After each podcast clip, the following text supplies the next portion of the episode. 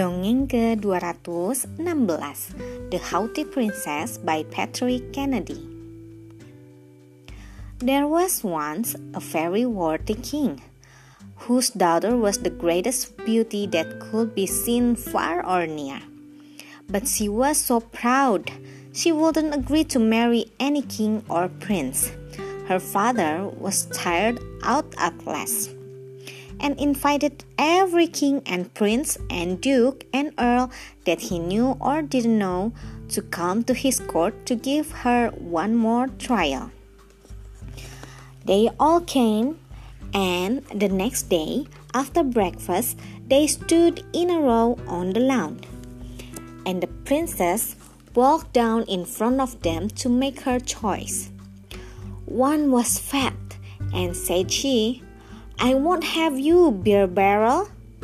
One was tall and thin, and to him she said, I won't have you, ramrod. To a white faced man she said, I won't have you, pale. And to a red cheeked man she said, I won't have you, coxcomb. She stopped a little before the last of all, for he was a fine man in face and form. She wanted to find some defect in him, but he had nothing remark- remarkable but a ring of brown curling hair under his chin. She admired him a little and then carried it off with, I won't have you, whiskers. So all went away, and the king was so vexed.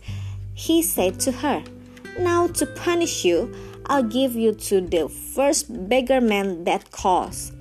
And sure enough, a fellow in rags with hair to his shoulders and a bushy red beard all over his face came next morning and began to sing before the window. When the song was over, the hall door was open. The singer asked in. The priest brought and the princess married to Beardy. She roared and she bawled, but her father didn't mind her. There, said he to the bridegroom, is five guineas for you.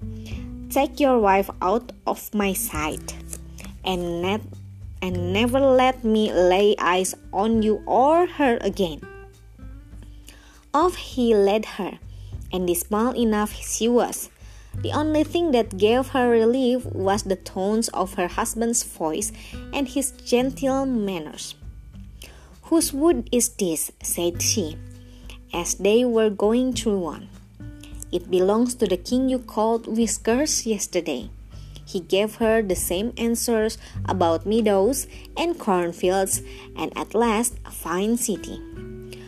Ah, what a fool I was, said she to herself. He was a fine man, and I might have had him for a husband. At last, they were coming up to a poor cabin. Why are you bringing me here? This was my house, said he. And now it's yours. She began to cry, but she was tired and hungry and went in with him. There was neither a table laid out nor a fire burning, and she was obliged to help her husband to light it, and boil their dinner, and clean up the place after, and the next day he made her put on, put on a gown and a cotton handkerchief. When she had her house cleaned up and no business to keep her employed, he brought home willows, peeled them, and showed her how to make baskets but the hard twigs bruised her delicate fingers, and she begins to cry. Well, then he asked her to mend their clothes, but the needle drew blood from her fingers, and she cried again. He couldn't bear to see her tears, so he got her a kitchenmaid's place in the palace. So the poor thing was obliged to stifle her pride once more. She was kept very busy and she went home to her husband every night carrying her payment for scraps or leftover food wrapped in papers in her side pockets. A week after she got the job, there was great bustle in the kitchen. The king was going to be married, but no one knew who the bride was to be.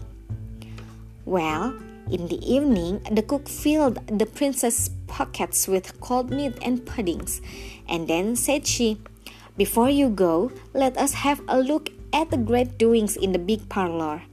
So they came near the door to get a peep, and who should come out but the king himself? And he was no other but King Whiskers himself. Your handsome helper must pay for her peeping, said he to the cook when he spotted them, and dance with a jig with me.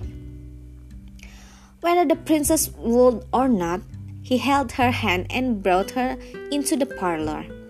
The fiddler struck up and away with him with her.